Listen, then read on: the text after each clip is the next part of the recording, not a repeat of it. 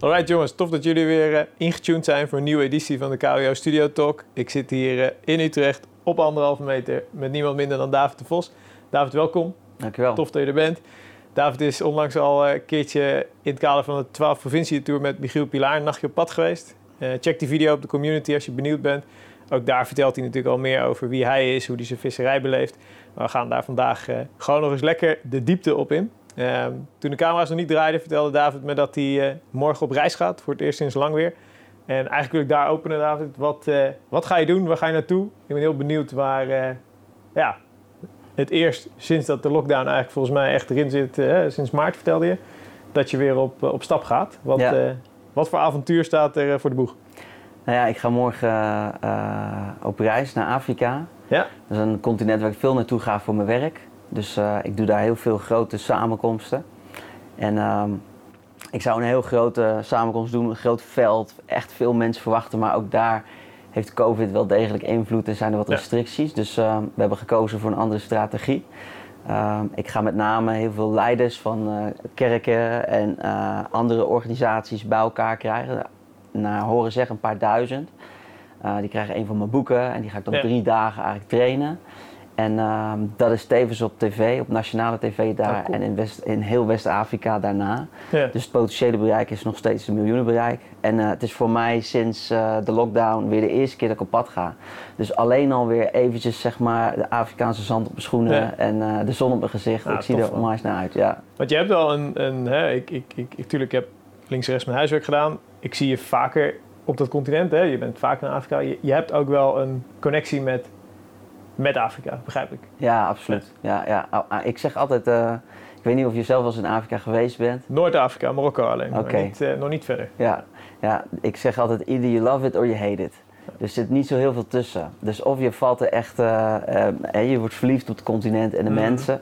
Of je vindt het echt heel verschrikkelijk. En wat wel grappig is, mijn vrouw vindt het echt helemaal niks. Ja. Die gaat één keer per jaar, probeert ze mee te gaan om mij een plezier te doen. Uh, maar het heeft mijn hart gestolen. En uh, er ligt voor mij gewoon, voor mijn gevoel, ook een stukje bestemming.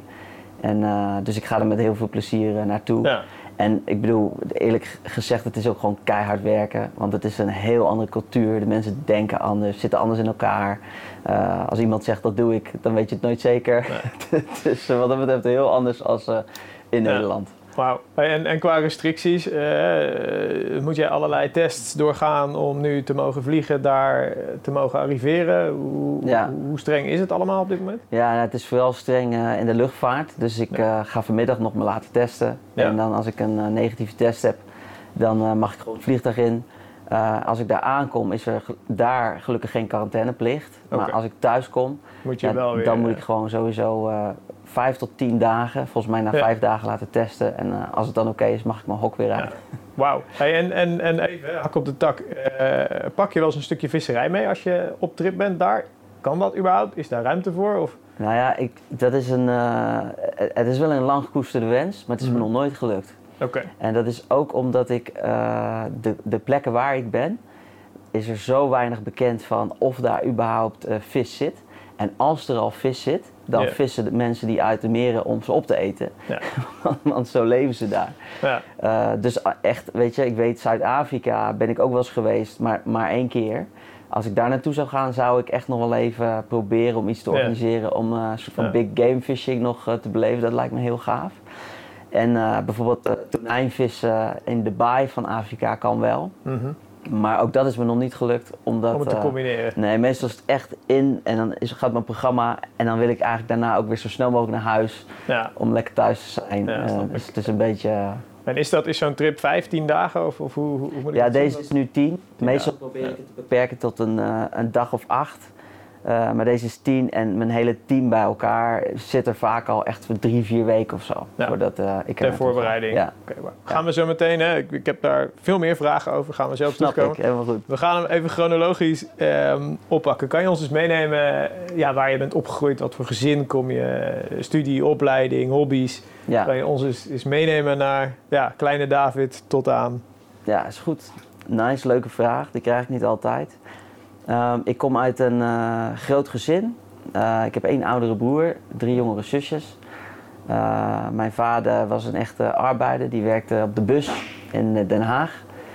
voor de HTM.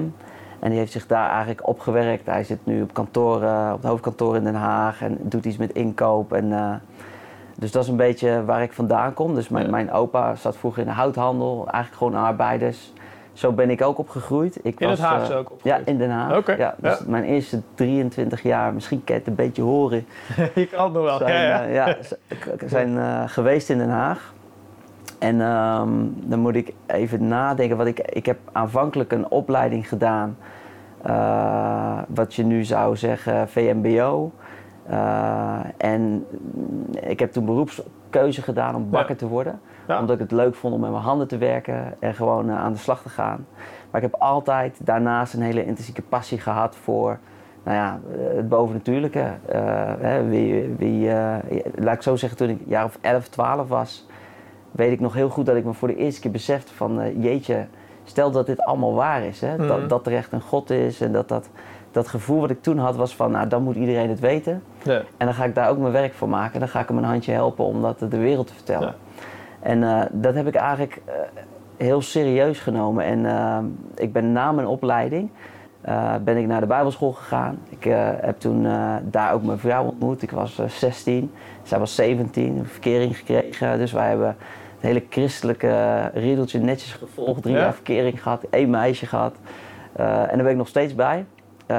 we zijn nu nou, al ruim 20 jaar samen, waarvan sinds 2003 getrouwd. Dus moet ik even goed uitrekenen. Ja, ja, 18, 18 jaar of zo. Ja. Die kant gaat het op uh, dit jaar. Cool. En kids toch inmiddels? En inmiddels kids. Ja. Ja. En uh, daar was ik ook vroeg bij. Ik was, uh, was het 23 toen ik voor de eerste keer vader werd. Ja. En ik heb, uh, even moet ik goed nadenken. Ja, hij is nu 14. Ja. Dus dat is echt Zo. een peer van een kerel. Die, En, en, en jij bent, want hij is 14, 23, 37. ik ben 37. Ja. Oké, kijk. Dan Snelle rekensom, snel, ja. Hey, en, en je vertelt, op je 11e, 12e was daar eh, zo'n zo'n bewustzijn, zo'n moment. Ehm, kwam dat dan ook eh, op, op, op een positieve manier vanuit je om- omgeving? Of was jouw omgeving daar helemaal niet mee bezig? Of Ja. hoe- Ja, zeker. Ik ben eh, opgegroeid in een, eh, in een gelovig gezin. Ja. En mijn vader, dat zei ik net al even, die was buschauffeur. En die ging dan af en toe op een soort van missiereis. Eh, om een groep eh, naar Hongarije te brengen als buschauffeur. Ja. En daar had hij zulke bijzondere belevenissen dat hij zei, nou, ik wil een keer mijn hele familie meenemen. En zo ben ik daar een beetje ingerold. En ik weet nog goed dat ehm, de allereerste keer dat het mij echt overviel.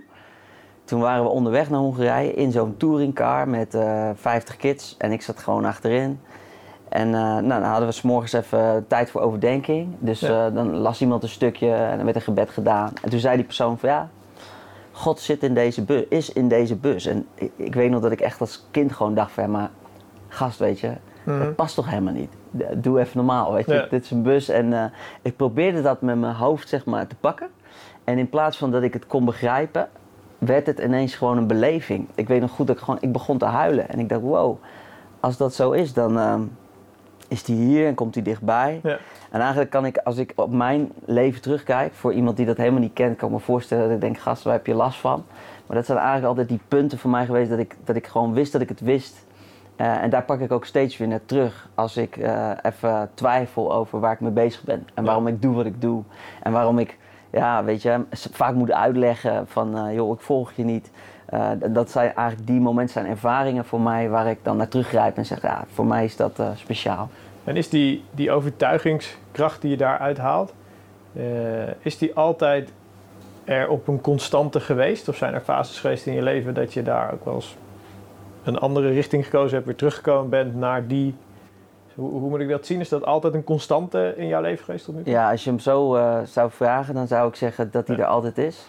Maar het is voor mij natuurlijk ook gewoon een up en down als mens. Eh, je hebt momenten dat je full confident bent, dat je denkt, nou Mhm. wauw, hier zie ik eh, mooie dingen in gebeuren. En je hebt dingen in je leven die je gewoon niet begrijpt. Dat je denkt, hoe kan dat nou? En, en waarom gaat het mis? Of waarom is het moeilijk?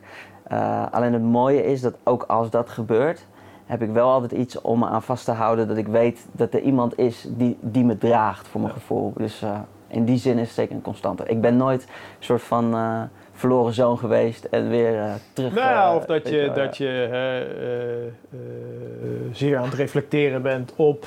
ehm, ja, dat, dat ik denk dat heel mooi is als je wat je vertelt, dat je elke keer wel weer die basis, dat die zo sterk geworteld is in wat jij gelooft, hoe je in het leven staat. Ja. Dat je daar elke keer op terugkomt. Ja, maar dat reflecteren, dat is wel iets wat ik, wat ik veel doe. Ja. Dus dat is ook iets waar ik eh, heel veel tijd aan spendeer. En dat is ook een van de redenen waarom ik kan spreken. Ik spreek met name over de dingen die omgaan natuurlijk in mijn eigen hart en hoofd. Eh, ja, en om mooie dingen te kunnen, kunnen vertellen, moet je ook moeilijke vragen aan jezelf durven stellen. En die onder ogen durven te komen. Exact, ja. ja. Hey, en, en je vertelt, hè, ehm, beroepsopleiding bakker. Eh, heb je ook echt jaren als bakker gewerkt? Of ben je toen Ja. direct de, eh, de, de, de gelovige business, noem ik het nu maar Nee, ik snapt heb- wat ik bedoel. Ben ik je heb- meteen die... Ik heb jaren als bakker ja, gewerkt. ook, ja, maar ja. ook echt ochtends vroeg, Ja. mega vroeg. Ja, Ja? mega vroeg. Dus ik was echt, eh, ik ben als hulpkracht begonnen, Ja. 14 jaar. En dat heb ik eigenlijk gedaan tot mijn eh 16e, dus dat deed ik part-time. Toen ging ik naar de bijbelschool twee jaar, toen kwam ik terug, toen wilde ik eigenlijk fulltime aan de slag. Maar ja, weet je, in, eh, nergens kun je vacature vinden voor wat ik wilde doen. Nee. Eh, dus dan moet je toch ergens starten. En ik weet nog goed dat mijn chef toen zei eh, uit de bakkerij van... joh, eh, wil je niet gewoon hier weer beginnen? En dan zie je het wel vanaf hier waar je terechtkomt. Ja. En zo ben ik aan de slag gegaan. Ik ben vier dagen gaan werken, uiteindelijk een dagje minder... omdat ik veel op pad ging en ook bezig was daarnaast. En op een gegeven ogenblik heb ik die knoop doorgehaakt en zeg... eh, nu ga ik ja, min of meer ook voor mezelf beginnen. Ja. Alleen op een andere manier natuurlijk als dat je een business bouwt. Maar dat was part-time naast nog steeds het bakkersvak? Of, Ja. Oké. Ja, ja dus dat is, ik heb dat eigenlijk heel lang samen gedaan totdat het gewoon niet meer kon. Ja. Eh, en eh, ja, ik ben gestart alleen. En inmiddels eh, hebben wij ook twaalf man in dienst Ja. bij eh, wat we doen. Wauw. Is Ja. dat een, een, een team eh, nationaal of werk je internationaal met mensen die... Ja, de, de twaalf mensen eh, Ja. op de payroll is, is nationaal. Oké. En eh, internationaal hebben we natuurlijk ook nog veel connecties. En, maar dat zijn met name mensen die we bijvoorbeeld inhuren voor moment. Of eh, waar we mee samenwerken. En, eh. Kom ik zo op terug. Ook daar heb ik, wat ik eerder al zei, veel vragen over.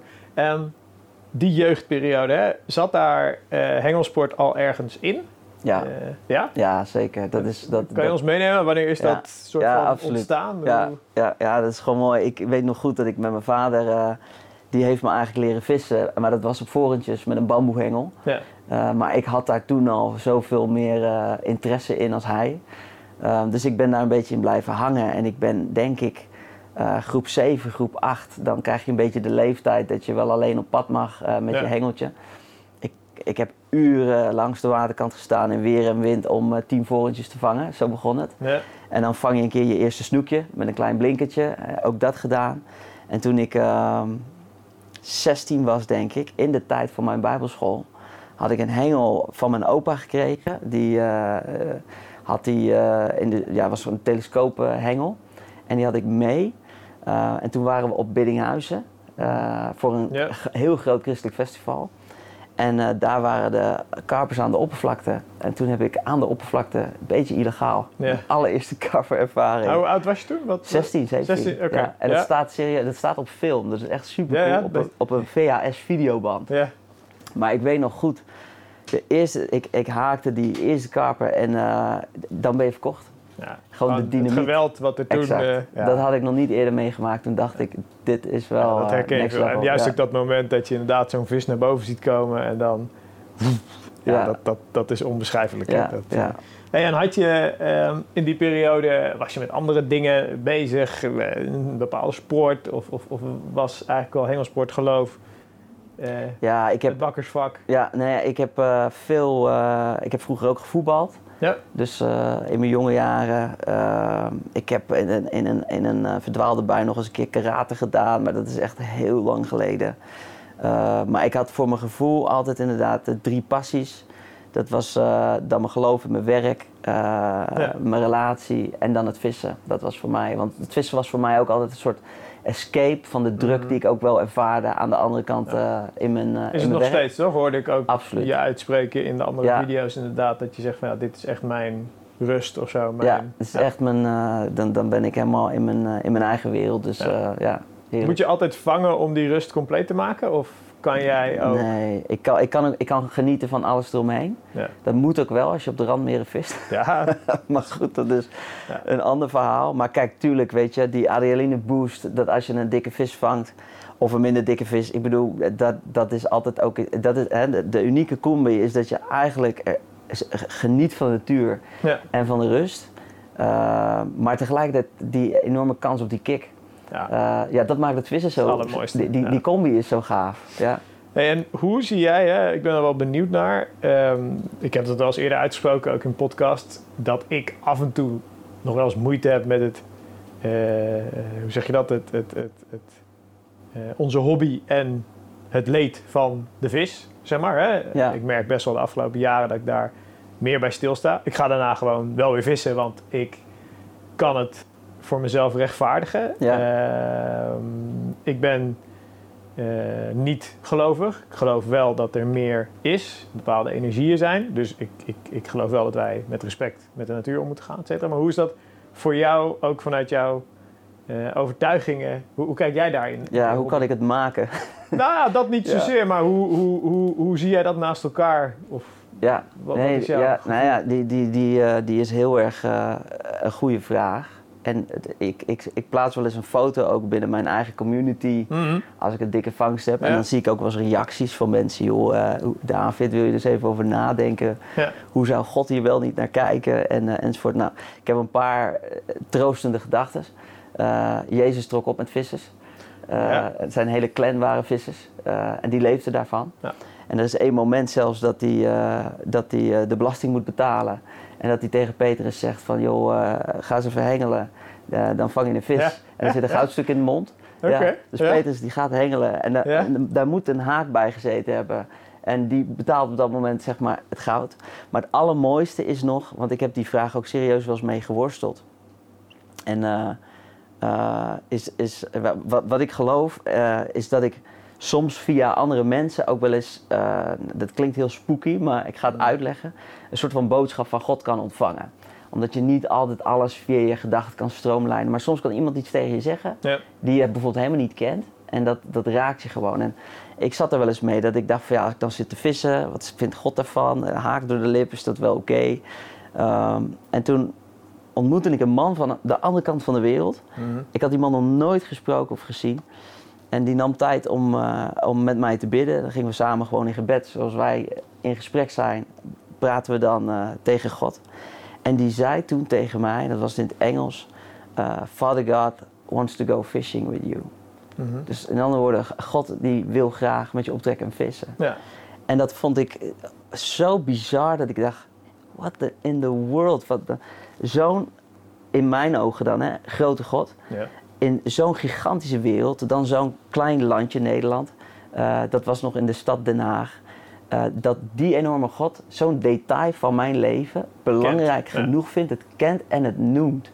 Nou ja, dat, dan nog als ik dat vertel. eh, en daarom, weet je, is het voor mij een soort van troost, hij is erbij.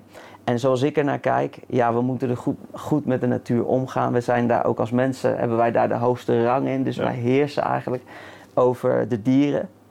En ik ben het met je eens. Ik heb wel voor mezelf ook dat ik zeg, ja, eh, wij vergelijken het vaak, of mensen die het niet weten, van ja, moet ik eens even een eh, haak door jouw lip rossen? Mhm. Kijk, al onze meest gevoelige, intieme eh, delen zitten hier. Mhm. En bij de vis is dat niet zo, hè. Dat is gewoon, het, de mond is meer te vergelijken met, met kraakbeen. Mhm. Waar ze mosselen mee kraken en doen. Ja. Dus, de, dus de, de pijn is nog weer anders als dat wij hem in de lip Ja. zouden krijgen. Maar je hebt daar, en ik hoor je hoor, je hebt daar inderdaad een aantal aspecten van je zegt van ja goed, daar vind ik mijn rust in om die hobby met een goed gevoel te kunnen. Absoluut, ja. Beleven. ja. Maar als er wat met een vis gebeurt, hij verliest een schub of Ja. krijgt toch een... Ja, natuurlijk, dan baal ik. Ja, ja, dan krijg je pijn in je buik. Ik heb dat, eh, ik Ja. had het ook altijd, ook zelfs als je een vis verspeelt of toch een keer lijnbreuk, ja, dat ik toch denk van ja, dit wil je gewoon. Exact, Ja. ja. Nee, helemaal eens.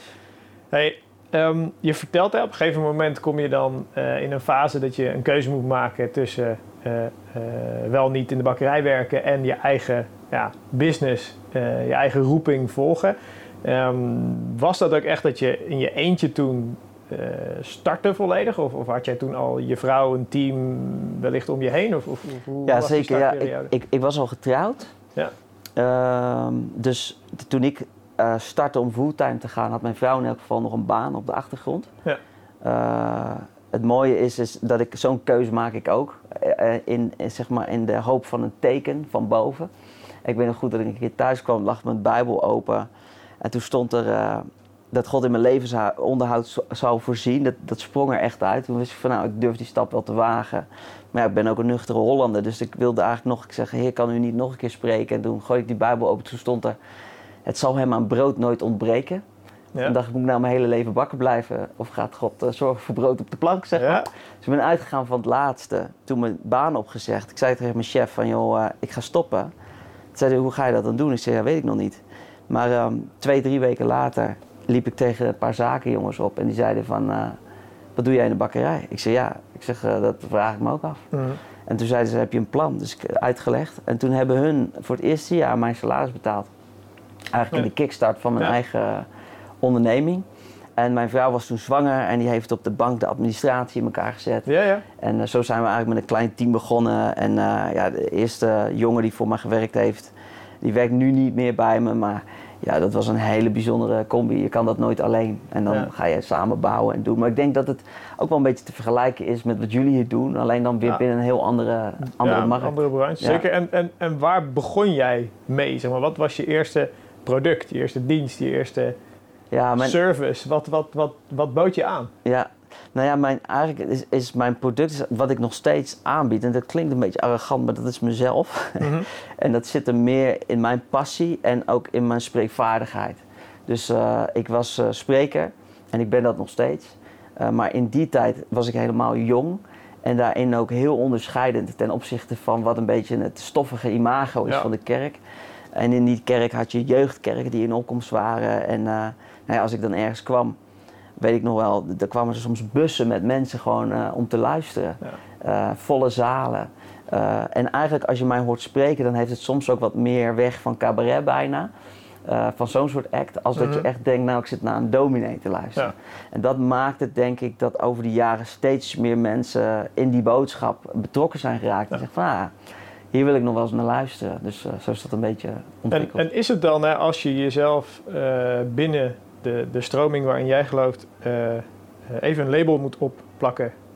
Wat is dan jouw ja, functie, titel? Ja. is daar een, een, een, benaming voor? Jawel, je zou het een evangelist kunnen noemen. Ja. omdat dat is zeg maar, ja, dat is bijna de vertegenwoordiger van het product, het evangelie. Ja. en wat mijn, ja, eigenlijk wat, wat, waar, wat ik kan, ik kan in Jip en Janneke taal uitleggen wat voor heel veel mensen ingewikkeld is. Ja. En, en dat, daar is best wel uh, behoefte aan, omdat het heel vaak voor mensen zo complex is. Uh, dus mijn uitdaging is altijd: oké, hoe kan ik een oma van 90 mm -hmm. boeien met hetzelfde verhaal als een kind van 5? Ja. En, en dit is dus al inmiddels jaar of 10, 12? Dat ja, je. 20 wel. Oké, okay, 20 ja. jaar dat je echt al dit als, als, als business. En is het dan, ik zei al. Ik... Nou ja, 20 jaar dat ik spreek. Ja. En dat ik, ik ben fulltime aan de slag sinds 2006. Oké. Okay. Dus... Uh, Vijftiende jaar denk ik inmiddels, ja. ja. ja. En heb, heb, jij dan, uh, hè, want uh, vanochtend luisterde ik een stuk van, van een van jouw laatste podcast. Um, en je geeft natuurlijk aan van, hè, we, we draaien ook grotendeels op, op donaties. Ja. Um, dus, dus het is een stichting uiteraard, geen winstoogmerk. maar het wordt toch ook wel gezien als ja, bedrijf, denk ik. Toch op, op, op dat niveau qua professionaliteit en qua Klopt, wat je wil neerzetten, ben je actief. Ja, ja en, absoluut. En het product wat jullie dan verkopen zijn, zijn uh, oké, de boeken, de tassen. Um, maar een groot deel van de business, begrijp ik dan, draait toch ook op, op de steun die jij krijgt vanuit jullie community? Helemaal. Oké, ja, om het woord ja. te delen. Ja, ja, exact. Dus de mensen die zich kunnen vinden in de missie van, uh, van mijn hart. Die zeggen ja. van ja, hey, deze boodschap moet gehoord worden.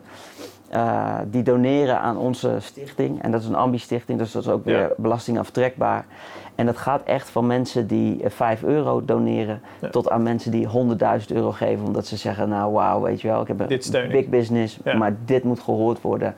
Uh, dus ga je gang. Tof. En, en zijn dat vooral Nederlandse donateurs of is dat iets wat internationaal actief is? Of? Ja, het zijn met name uh, Nederlandse donateurs. Ja. Ik heb ook uh, uh, wel wat internationale contacten. ik had eigenlijk iemand die, die doet wat ik nu doe, die dat deed. Die is inmiddels overleden, dat was een soort mentor voor mij. -huh. Die leeft in Amerika. Daar kreeg ik ook wel eens een grote support van. maar die is inmiddels niet meer. Dus ja. dat hebben we nog niet weer op die schaal weer, weer, weer gehad. Ja. Wauw. Hey, en hoe heb jij, hè, als je nu jeugdige kijkers hebt, ongetwijfeld zitten ze ertussen, hoe heb jij je skills in presentatie, spreekvaardigheid?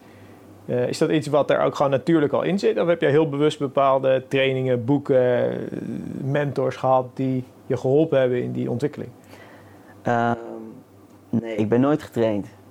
Uh, mijn vader was vroeger discjockey, ja? DJ, dus hij komt echt uit de tijd van Jeroen van Inkel, weet je. Ja.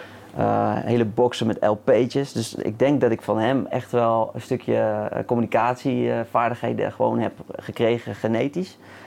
Uh, maar ik heb zo, ik, ik, denk, ik, denk dat ik zoveel ervaring heb opgedaan als je het hebt over 20 jaar, dat je mhm. leert communiceren. en tuurlijk heb ik wel geluisterd rechts en links van nou, wat zijn nou de do's en de don'ts. In het begin was ik ja, ook super hyperactief, ging ik alle kanten op. Maar wat ik altijd het belangrijkste hebt gevonden en nog steeds, is dat je leert praten vanuit je hart. Uh, want ik zeg altijd, als je communiceert vanuit je hoofd, mm -hmm. reageren mensen vanuit hun hoofd. En dat blijft heel erg klinisch.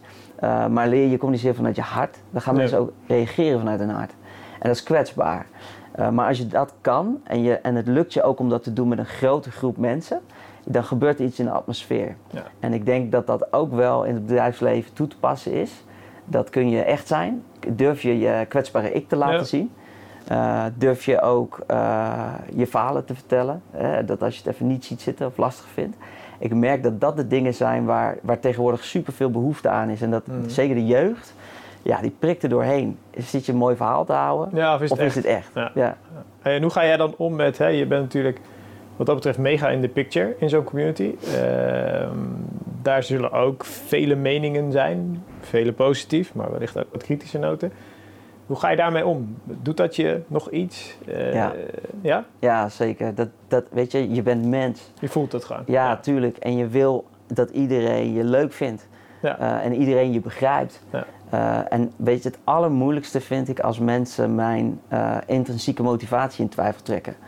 dat ze zeggen, oh kijk, hij doet het voor het geld, weet je wel. Of hij, terwijl je iets vanuit passie doet. En ik kan me voorstellen, zo'n community als dit ook, wordt uit passie geboren. Maar uiteindelijk is het ook gewoon een bedrijf. Het is ook een business, ja, zeker weten. Waar je gewoon, uh, weet je wel, uh, uh, van leeft en waar je ook van mag genieten. Ja. en dat is bij mij ook zo. Ik werk er ook keihard voor. Maar het is, ja, je kan jezelf niet altijd verdedigen als mensen ja, je bekritiseren. Ja. En je moet je afvragen of je dat ook altijd moet willen. Want dat is soms ook gewoon niet nodig. Maar natuurlijk raakt me dat. Ja, Dat is niet altijd makkelijk. Ja. Hoe heb je jezelf weerbaar gemaakt daarvoor? Hoe vertel jij misschien ook de mensen die naar jou luisteren... om te gaan met ja, zoveel meningen, helemaal als je dus een stuk zichtbaarder wordt... of vanuit je beroep, of vanuit een groot bereik op social media... of vanuit een bedrijf wat hè, voor het karpenvissen ja. uh, zichtbaarder is. Heb je daar een bepaalde approach waar je nou, weet je, het, het, het, moeilijke is dat je er nooit helemaal immuun voor kan raken. Dus dat moet je denk ik ook niet uh, hopen. Want de, de vraag is meer van hoe kun je ermee omgaan. Als dat je zegt, hoe kan ik op het punt komen dat het me nooit meer raakt. Mm -hmm. uh, dus ja, kijk, je ziet of heel mensen gaan soms juist worden heel hard, weet je wel. Gaan zich overschreeuwen of worden, weet je wel, dat is een manier. Maar ik probeer mezelf er zoveel mogelijk van te, uh, weg te houden. Ja. Niet in te lezen in wat mensen allemaal roepen. Dat het ook niet tussen mijn oren gaat zitten. Ja. En Ga ik je wel eens het gesprek aan? Uh, Jazeker. Ik, uh, dat, wat, wat wel, wat, maar, maar dan wel op, hoe zou ik het zeggen, constructief niveau. Dat het ergens heen gaat. Dus als je iemand ontmoet die echt puur alleen maar jou wil cancelen of je naar beneden ja, wil halen. Heeft geen, heeft nee, ja, waar, waar, heb je dan het gesprek nee. over? Maar laatst was er een jongen die me belde van de NPO 1, wilde een podcast maken. Hij was domineeszoon. En uh, hij zei, ja, ik, ik, ik, geloof het allemaal niet meer. Uh, mm. Maar jij bent aardig overtuigd. Hij zegt, ik wil wel eens gewoon met jou het gesprek aangaan. Ja. Hij zegt, ja, tuurlijk, hartstikke leuk, weet je. Ik zeg, maar, ik zeg, je moet je wel realiseren dat ik er niet zit om me gelijk te halen. Ik zeg, het gaat er mij om meer van, kun je me voelen? Kunnen we met elkaar in contact komen? En toen zei hij ook, ja, maar dat is juist de reden waarom ik het tof vind om met je te praten. Dus ik denk dat we dat vooral voor ogen moeten houden. Dus zeker, uh, ik sta open voor kritiek. En de regel die ik in mijn eigen leven hanteer, is als mensen echt uh, ja, willen inspreken op mijn leven, mm -hmm. dan vraag ik mezelf altijd deze vraag van, oké, okay, degene die dit tegen mij zegt, geeft die ook om mij? Ja. Of wil die alleen wat spuien? Nou, als, die, als ik ergens weet van er is ook een band en hij, weet je wel, geeft ook om me, ja, dan, dan denk ik, hey, dan moet ik naar luisteren, dan moet ik in ieder geval wat mee doen. Mhm. Zo zit het. Ja, duidelijk. Ja. Ik denk dat, dat veel jongeren daar ook misschien zich bewuster van kunnen worden. Dat het dus niet direct tot in de kern van je zijn hoeft door te dringen als er een keer ergens iets, iets negatiefs voorbij komt. Dat het... ja, ja, kijk, weet je, de grote vraag is van, mag jij iets van iemand vinden? Dan zal iedereen zeggen, ja, tuurlijk. Uh, ik mag iets van iemand vinden, want dat, zo voelen mensen dat. Mhm. En dan de vraag die je daarna moet stellen is van, oké, maar waarom mag iemand dan niet iets van jou vinden? Ja, ook dat. Oh ja, oh ja. En, en moet je het dan uitspreken, profileren? Uh, ook dat. Dat zijn natuurlijk ook belangrijke vragen. Ja. Ehm, hey, we, we zitten natuurlijk al even hè, op de, de weg van het geloof, noem ik het maar even. En, en ik ben toch, vanochtend dacht ik daarover na. Ik heb gewoon heel veel vragen daarover. Ik ben heel nieuwsgierig. Ehm, dus, dus we gaan zo over naar het vissen. Maar ik wil toch nog een paar dingen gaan eens, aan je vragen. Want ik ben heel benieuwd naar je blik daarop. Ik, ik heb natuurlijk ook op school mijn, mijn informatie gehad. Ik, mijn tante uh, was ook gelovig, was ook, ook werkzaam voor de kerk. Uh, als mijn oom dit hoort, dan zegt hij: Jos, je weet niet meer precies wat ze deed. Dat klopt. Zij was niet een dominee, ze was een vrouwelijke. Ze was ook in een christelijke kerk actief.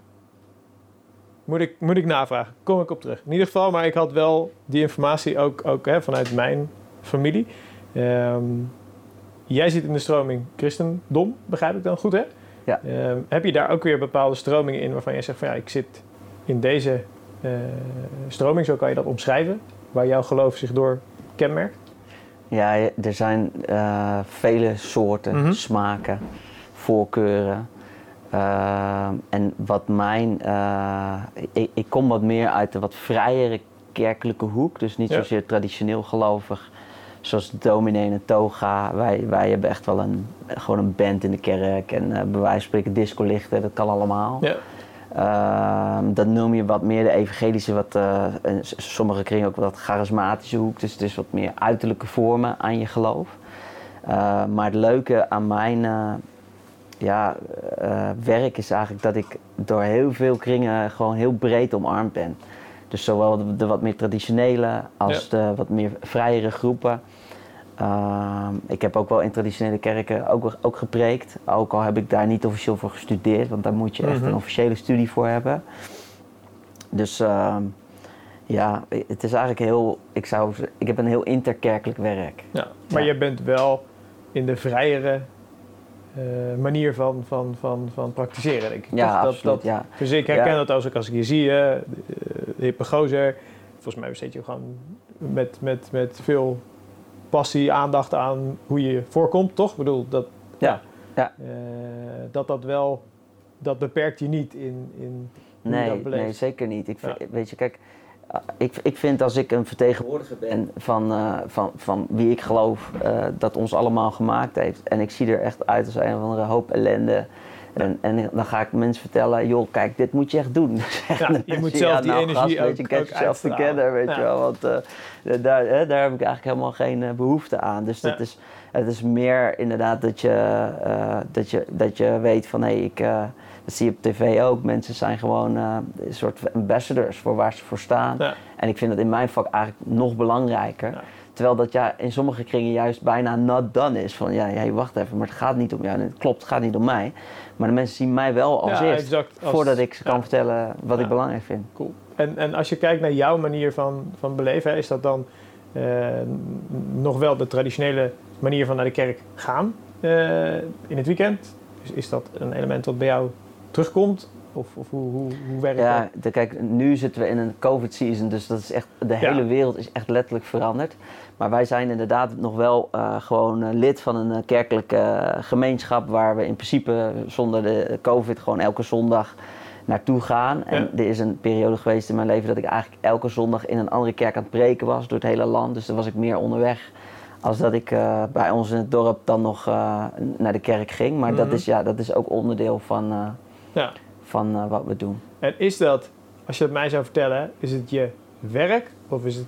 Zie je het? Nee, je ziet het niet als werk, toch? Nee. Het is gewoon echt je roeping. Het is Ja, wat je doet. exact. Het is, Ja. Dus eigenlijk sta je ook nooit op om te gaan werken. Het is gewoon, oké, another day.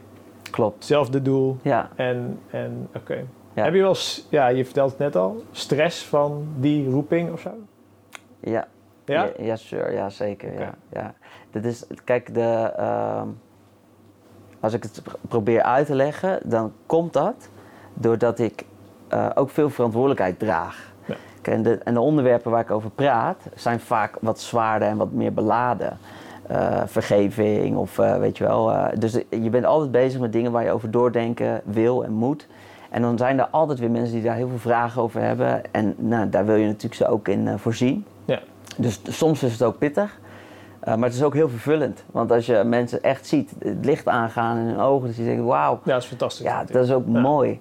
Dus eh, weet je, het, het is een beetje een balans. En, en wat je niet moet vergeten is, als ik, eh, als ik op een groot podium sta... en bijvoorbeeld, er is een heel groot festival in Biddinghuis elk jaar, Opwekking. Mhm. Dat is waar ik mijn eerste vis Ja, ving.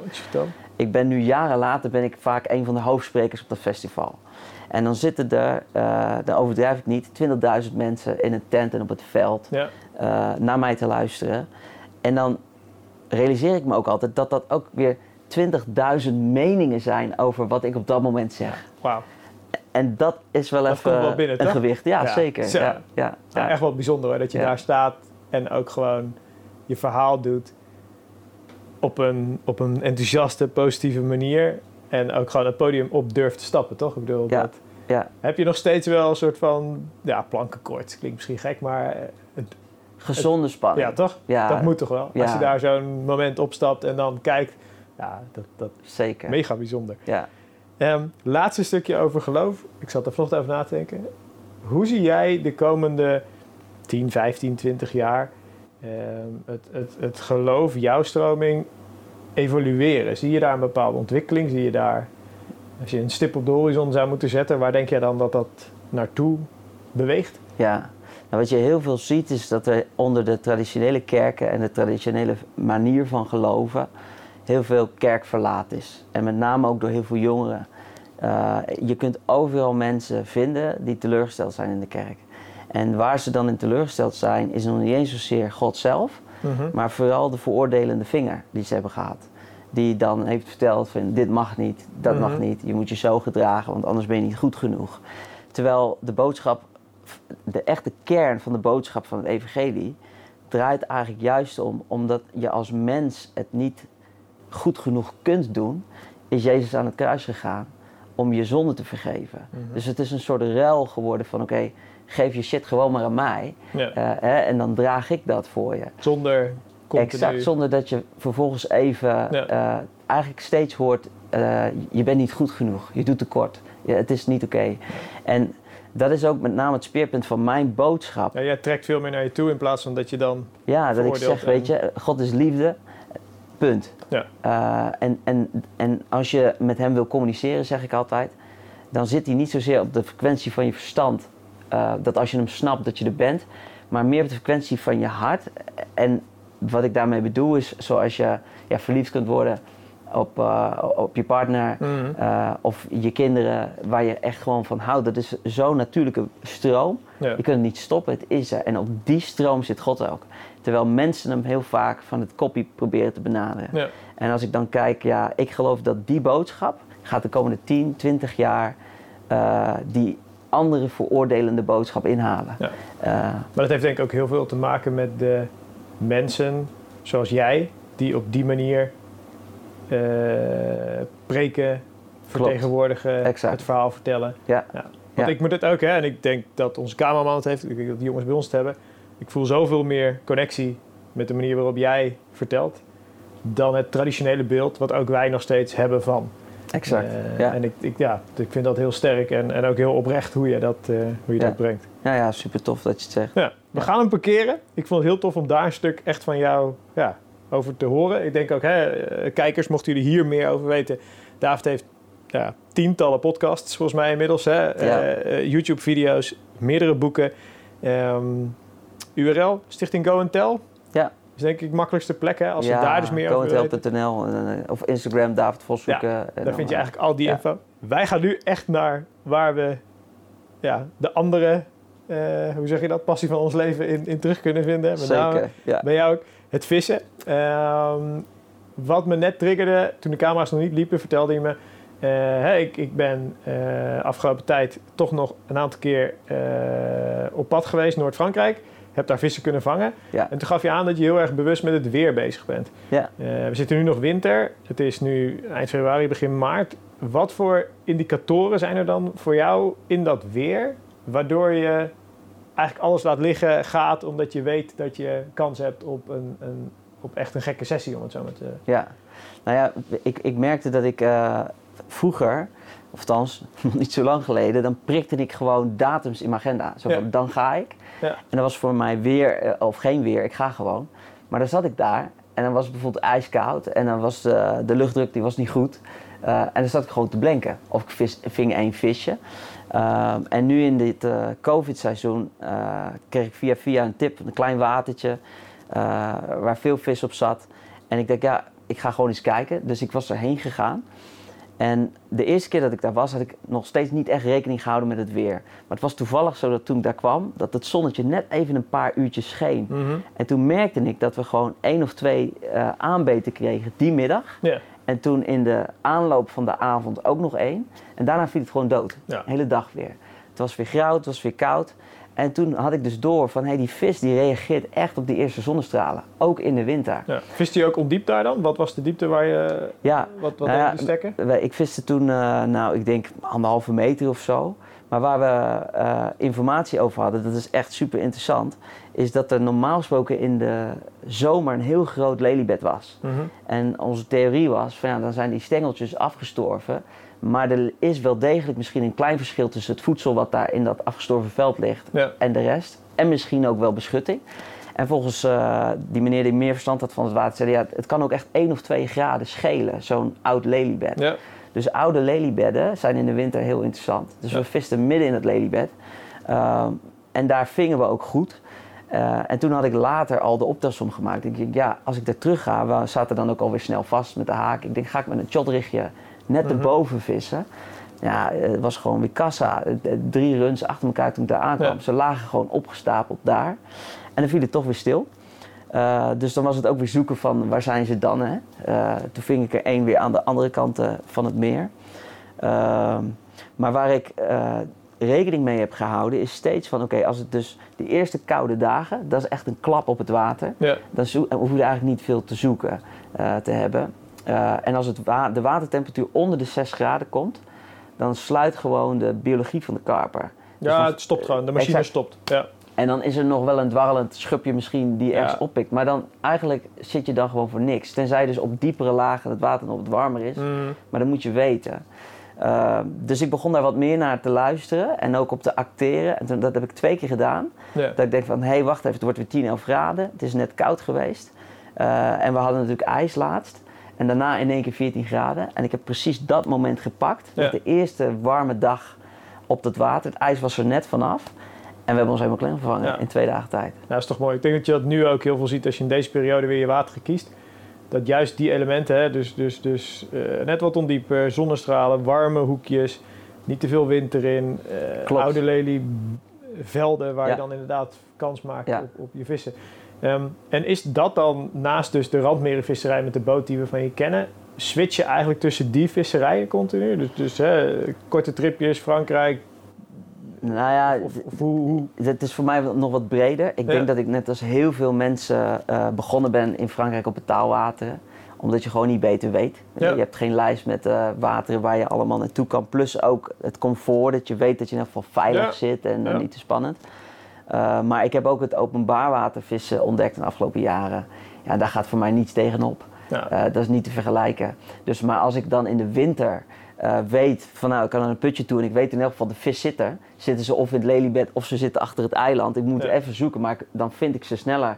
Als dat ik op bijvoorbeeld eh, in Zuid-Frankrijk een of ander groot meer, ja, dat wordt ingewikkelder. gaat eh, Ja, op de gok daar naartoe gaat. ja, exact. Dus dan kies ik soms even, als ik mijn hart op wil halen, voor Ja. een wat, in mijn ogen, wat eenvoudigere visserij. Plus dat ik in de zomer liever niet naar betaalwater ga. Ik ga echt niet tussen acht tentjes zitten. Mhm. Maar op het moment dat de, het winter is, ja, heb je soms het hele water voor jezelf. Ja, en dan kan je gewoon je ding doen. En, eh, ja, dus het is voor mij zowel betaal als openbaar. Ik ga graag naar Frankrijk. Eh, en de Alpen vind ik mooi. Eh, grote wateren hebben echt wel een beetje mijn hart. Ja. En, ja, Neem je je boot ook wel eens mee dan? Haal je hem Ja, nog niet gedaan, Nee? Maar dat staat zeker op de Om bucketlist. te traileren en, Ja. en mee te nemen. Ja, absoluut. tof. Je hebt zoveel meer vrijheid, denk ik, als je daarmee ook de grotere Franse meren op kan. natuurlijk. Ja, helemaal. Maar dit- dit- wat, wat ik daar bijvoorbeeld spannend vind, is van... Ik werk nu op de randmeren met steekstokken. Ja. Ja, die kun je overal wel kwijt. Maar ga je een bassin op en het is daar eh, 9 meter, 8 meter... Ja, hoe ga je jezelf ankeren, weet je wel? Dan, dan moet je echt wel even... Ja, je moet daar wel je materiaal en je, je aanpak moet goed zijn. Dus dat je natuurlijk maar de randmeren slaat het weer daar wel eens serieus om. Ja. Ja, ook ja wel? dat kan wel spoken. Dus dat je Ja. ook wel die. eh, Ik, denk, ik denk dat randmeren het, het dichtste bij grootwatervissen in Frankrijk komt. ja. Ja. Hey, En, en als je kijkt naar jouw visserij, ben je eh, heel, heel, heel. Experimenteer je heel veel technisch of, of pak je juist altijd terug op bepaalde standaarden? Ben je een, een visser die heel veel voert? Eh, hoe zou je hem omschrijven? Waar haal jij je successen mee? Ehm, ik denk dat mijn aanpak per water weer verschillend is. Dus op het moment dat ik naar een moeilijk water ga, dat ik bijvoorbeeld een betaalwater waar veel dressuur is, Ja. dan ga ik wat meer nadenken over de technische elementen. Zorgen dat ik eh regies heb die gelijk prikken. Eh, maar dan ga ik ook onderscheid maken met wat voor aas ga ik op pad. Ja. Eh, ga ik met een kale boilie die niet veel geld kost, of ga ik dan net wel een beetje extra investeren zodat hè, die vis toch voorkeur heeft voor mijn bol. Mhm. Ehm, en op het moment dat ik op de randmeren vis, waar weinig dressuur is, waarvan ik weet dat de komende weken geen vissers in de buurt zullen zijn, ja, dan schroom ik niet om eh, flink te voeren met een wat kalere bol. Ja. En dan praat je echt over 5 kilo per keer. Als je een beetje indruk wil maken zeg maar, op de vissen die daar rondzwemmen. Want er zijn daar ook hele partijen vinders, Ja, brazen. bent daar zo giga, tuurlijk. Ja. En, en, voer jij, eh, volgens mij in de video met Michiel ook, je voert vrij breed dan toch aan? Ja, ja. Dus echt wel gewoon serieuze Ja. voetbalvelden, om het zo maar te zeggen. Om te ja proberen. voetbalveld, ja, maar wel echt, maar... ja, ja, echt een, een, een goede brede strook. Zodat de vis, als ze in de buurt zijn, ergens het aas oppakken. Dat is een beetje mijn, eh, mijn, eh, ja, mijn idee daarover. Want als je echt heel specifiek kleine plekjes zou voeren, dan moet je echt weten dat ze in die Ja. zone zitten en hangen. Ja. En dat heb je wel eens, dat vissen wat vaker in een bepaald stuk terugkomen of, eh, of vaker hangen, dan kun je dat doen. Maar dan praat je meer dat je echt in een baai zit of in Mhm. een, weet je wel, eh, eh, daar, Ja. daar moet je. Maar ga je op de hoek van een enorm groot watervis, zoals we ook in die video hebben gedaan, ja, dan moet je wel even vijf kilo op zo'n plaats strooien. Wil je ook maar dat de vis opmerkt eh, dat je en dat ze blijven hangen zit. misschien. Ja. En dat je meerdere vissen natuurlijk in een nacht zou... eh, Ja. Is, is, is Radmeren met name eh s'nachts succesvol? Overdag? Heb je daar een bepaalde... Het is, eh, het is beide. Ja, Het, het, het kan alle twee. Maar ik heb mijn grootste successen in de nacht gehad. oké. Ja, en in de vroege morgen. Ja. En, en ga je dan ook bewust, stem jij je visserij daarop af? Dat je letterlijk s'avonds laat pas de boot op gaat en dan... Ja. eh, ja? Ja, ja en sowieso eh, in het hoogseizoen zeg maar, probeer ik eh, een nachtje in de week te vissen. Mhm. En het leuke is aan zo'n boot, ik heb die boot aan mijn huis liggen. Dus vroeger was het ja, de hele auto vol trappen, slepen. Dat kennen alle vissers. Op een gegeven moment worden we er ook gewoon moe van. Ja, En nu is het eh, een kusje, dag lieverd, na het eten. Ik, ik eet nog even en mee. Ja. Je starten en gaan en, je, en, en ik ga zitten en ik heb de wekker staan. En de volgende ochtend om, eh, om half acht zit ik gewoon weer aan de koffie thuis. Ja, Ja, dat, dat, is natuurlijk super. eh, Dat superleuk. is een luxe. Ja. Ja. En, en heb je nog genoeg ruimte om je ding daar te doen? Ja, ik bedoel, dat is toch qua andere vissers, qua... ja, er is zoveel ruimte. Ja, toch? Ja, maar er is ook al wel onderling Ja. verdeeldheid. Ik kreeg zelfs een paar haatreacties op mijn sessies met Pilar. Weet je, Ja. zo van, ja, nu breng je wat in beeld wat van ons is. Maar dan denk ik, jongens, duizenden hectare, weet Exact. je. Doe jezelf een plezier. En, Ja. eh, en, Plus dat het eh, ook, hè, en dat, dat, dat is misschien ook iets wat veel kijkers dan niet snappen. De moeite die je erin moet steken om überhaupt daar te vissen. Klopt. Een boot te komen, voor te voeren. Ik bedoel, ga jij maar naar de randmeren en werp maar in vanaf de zijkant. Ja, Nou, Ja. na drie keer ben je het echt zat hoor. Ik bedoel, je komt nooit meer terug als je zo'n type visser bent. ja, Eh, eens. Ja, Want, want ja, als je al wat vangt, doe je het al supergoed. ja, Maar de kans is denk ik 90% dat je vanaf de kant... ja. Ja, ja zeker. Er zijn, zeker, ik moet je wel zeggen, er is meer mogelijk op de kant dan ik vroeger dacht Ja. voordat ik een boot had.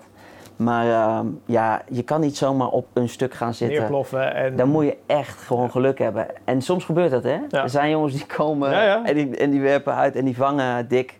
Maar dan kun je echt niet zeggen, ik heb dit water gekraakt. Nee, Want nee, nee, maar ook niet zo. dat het dan zo makkelijk is van... joh, ze hebben gehoord de randmeren en nu komt er 50 man die nooit meer weggaan, want ze vangen elke keer vis. Nee, nee, dat nee. echt, ik eh, geloof echt, dat zeg ik ook altijd, eh, je gaat het niet volhouden. Als je even denkt snel je geluk op te halen daar. Je kan een keer geluk hebben, natuurlijk, dus het blijft vissen.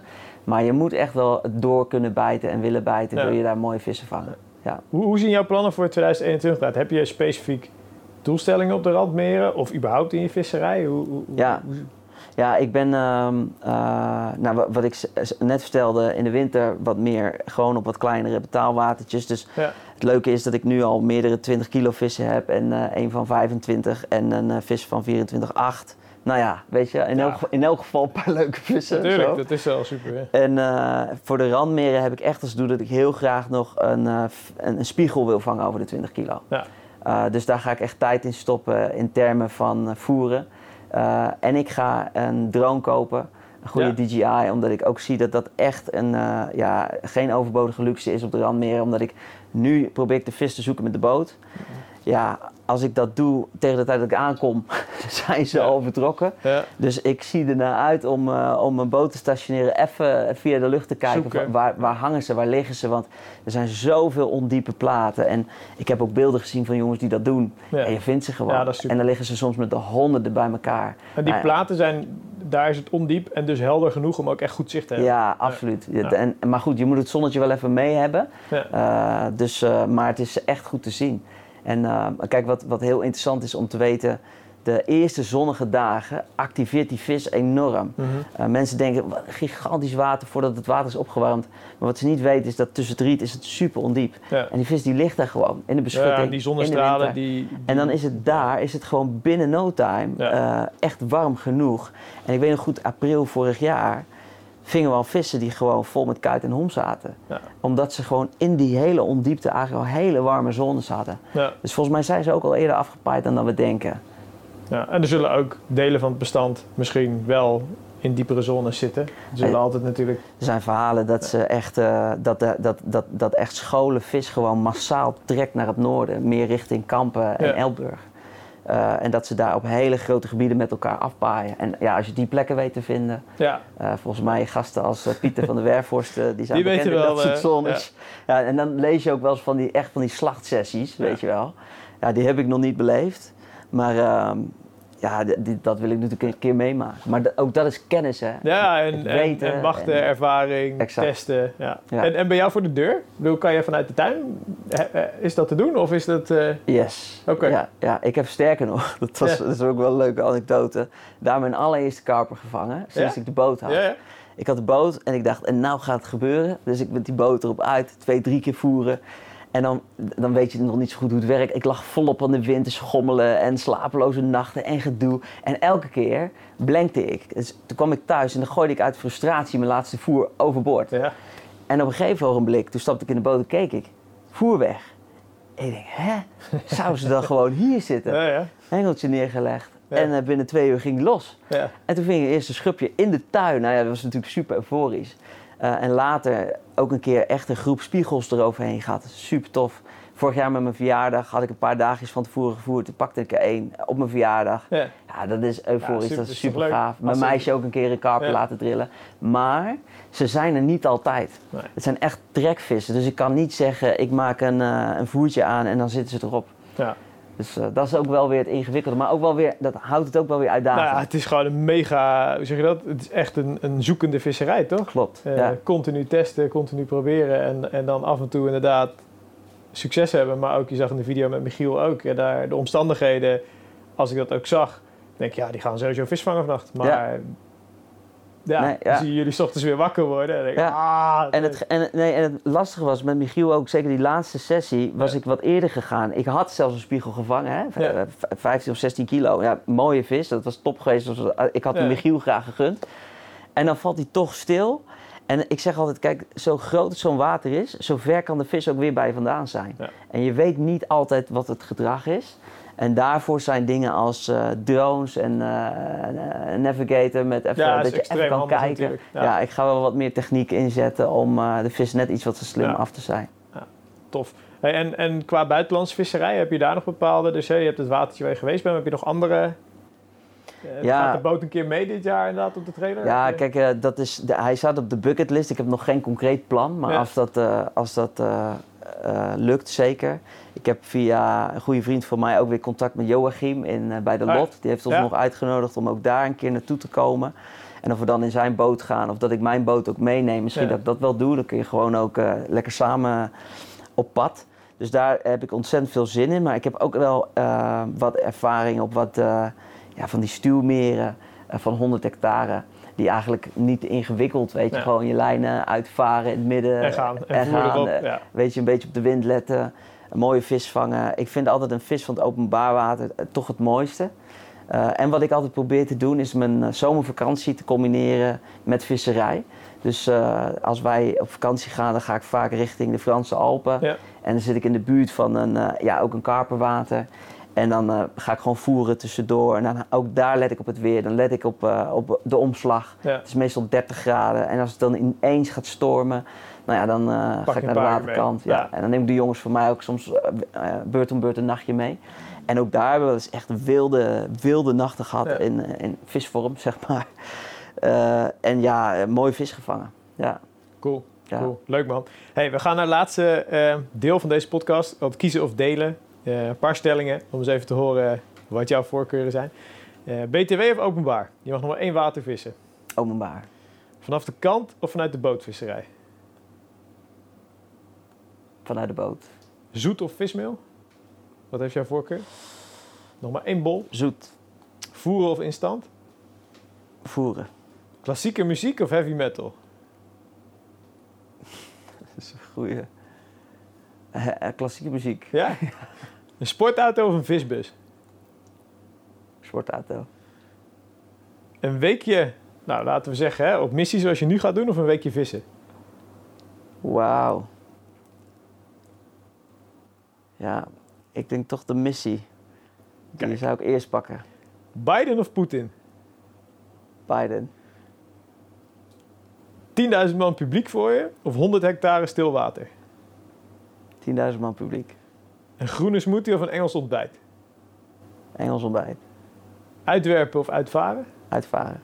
Gevlochten of nylon? Gevlochten. Een onbekende 21 kilo randmerenschub of een bekende 28 kilo spiegel? Van Onbe- een BTW bijvoorbeeld waar je Onbekende 21 kilo. Ja, rand gaat echt voor die, eh, Ja, En dan die onbekende 20 kilo plus spiegel die op je verlanglijst staat. absoluut. Ja. Kilo's of aantallen? Kilo's. En de laatste, nooit meer preken of nooit meer vissen? Oh, auw. Nooit meer. Die is echt heel moeilijk. Je mag één wildcard inzetten. Jawel. Gun hem je. Ja, Oh. die zijn, die, dit, dit antwoord Die, weet die vind ik zo lastig. Omdat ik, zou zeggen, Ja. natuurlijk van, ja, dan maar nooit meer vissen. Maar vissen is zo ook mijn, eh, mijn rustpunt, zeg maar. David, dankjewel voor jouw komst. Ehm, twee afrondende eh, vragen die ik altijd stel. Eentje is, heb jij een, een gast, een visser vanuit jouw omgeving... waarvan je zegt, hey, die heeft zo'n tof verhaal... zo'n bijzondere kijk op zijn visserij of leven. Die zegt, eh, tip voor iemand uit jouw omgeving, vismaat. Ja, nou ja, wat ik, eh, ik noemde net al heel even. Ik had gisteren die kunstschilder bij mij Ah ja, op bezoek. ja, Remco. ja. Mensen zullen hem wel kennen van zijn enorm mooie schilderijen. Staat vaak ook op de Karpenbeurs. En het is, eh, ja, dat is zo bijzonder wat die man maakt. Ja. De details ervan, het is zo levensecht. Dus ik heb een van zijn schilderijen. Ja, echt een vakman, hè, zei je. Ja, Echt een, eh, maar hij is, het is ook een gepassioneerd vissen. ja. Wat meer klassiek, denk ik. Eh, en een mooie kerel. Dus En ook van de oudere generatie. Ik denk Ja. dat het ook tof is om daar een keer wat aandacht aan te besteden. ja, ja, Cool. ja. Hey, en en, en ehm, heb jij een afsluitende boodschap voor de kijker, luisteraar, visser, waarmee jij hem wil, eh, wil afsluiten, deze studio toch? Ja. Ehm, ik zou willen zeggen, volg je hart en eh, leef je passie. Eh, en of dat nou binnen de visserij is of binnen de autobranche, of, eh, maar, maar heb lef om te doen wat je, wat je eigenlijk verlangt. En als je daar offers voor moet maken en als je daarvoor moet incasseren dat mensen je niet altijd volgen, eh, dat is echt de moeite waard aan het einde. Het is soms lastig, Ja. maar doe dat. En ik zou ook tegen alle jongeren willen zeggen: eh, laat je niet gek maken door alles wat je om je heen ziet. Probeer dicht bij jezelf te blijven. Het gaat niet om wat je allemaal hebt. Het gaat uiteindelijk om wie je bent. En eh, als je dat in het leven kunt leren eh, omarmen, dan ga je een heel eind komen. En af en toe, ik, ik, ik, durf te zeggen, al, al gelooft niemand in God, ik weet dat mijn God van iedereen houdt. Mooie afsluiting. Zeker weten. Dankjewel voor jouw komst. Dankjewel voor de moeite die je hebt genomen. Goeie reis morgen. Ik hoop dat je een veilige trip hebt en ja, ook niet te veel ellende hebt van alle COVID-restricties natuurlijk. Um, jongens, kijkers, dank jullie wel voor jullie tijd. Tof dat jullie zijn ingetuned. Deze keer denk ik ja, nog meer diepgang, ook buiten de visserij dan, uh, dan in andere edities. We zijn er met uh, een maandje weer. Ook Michiel Pilaar doet regelmatig nu de Studio Talks. We wisselen elkaar af. Heb je vragen aan mij, aan David? Um, stel ze in de comments of via mail jos.karpenwereld.nl. David is ook gewoon bereikbaar via social media. Hey, je bent volgens mij geef je alle ruimte om met mensen in gesprek te gaan. Um, Stichting Go Tell, check de website. Staat alle info, ook alle podcasts van uh, David zelf komen daar terug. Uh, voor nu over en sluiten, we gaan lunchen en uh, dank jullie wel voor het kijken.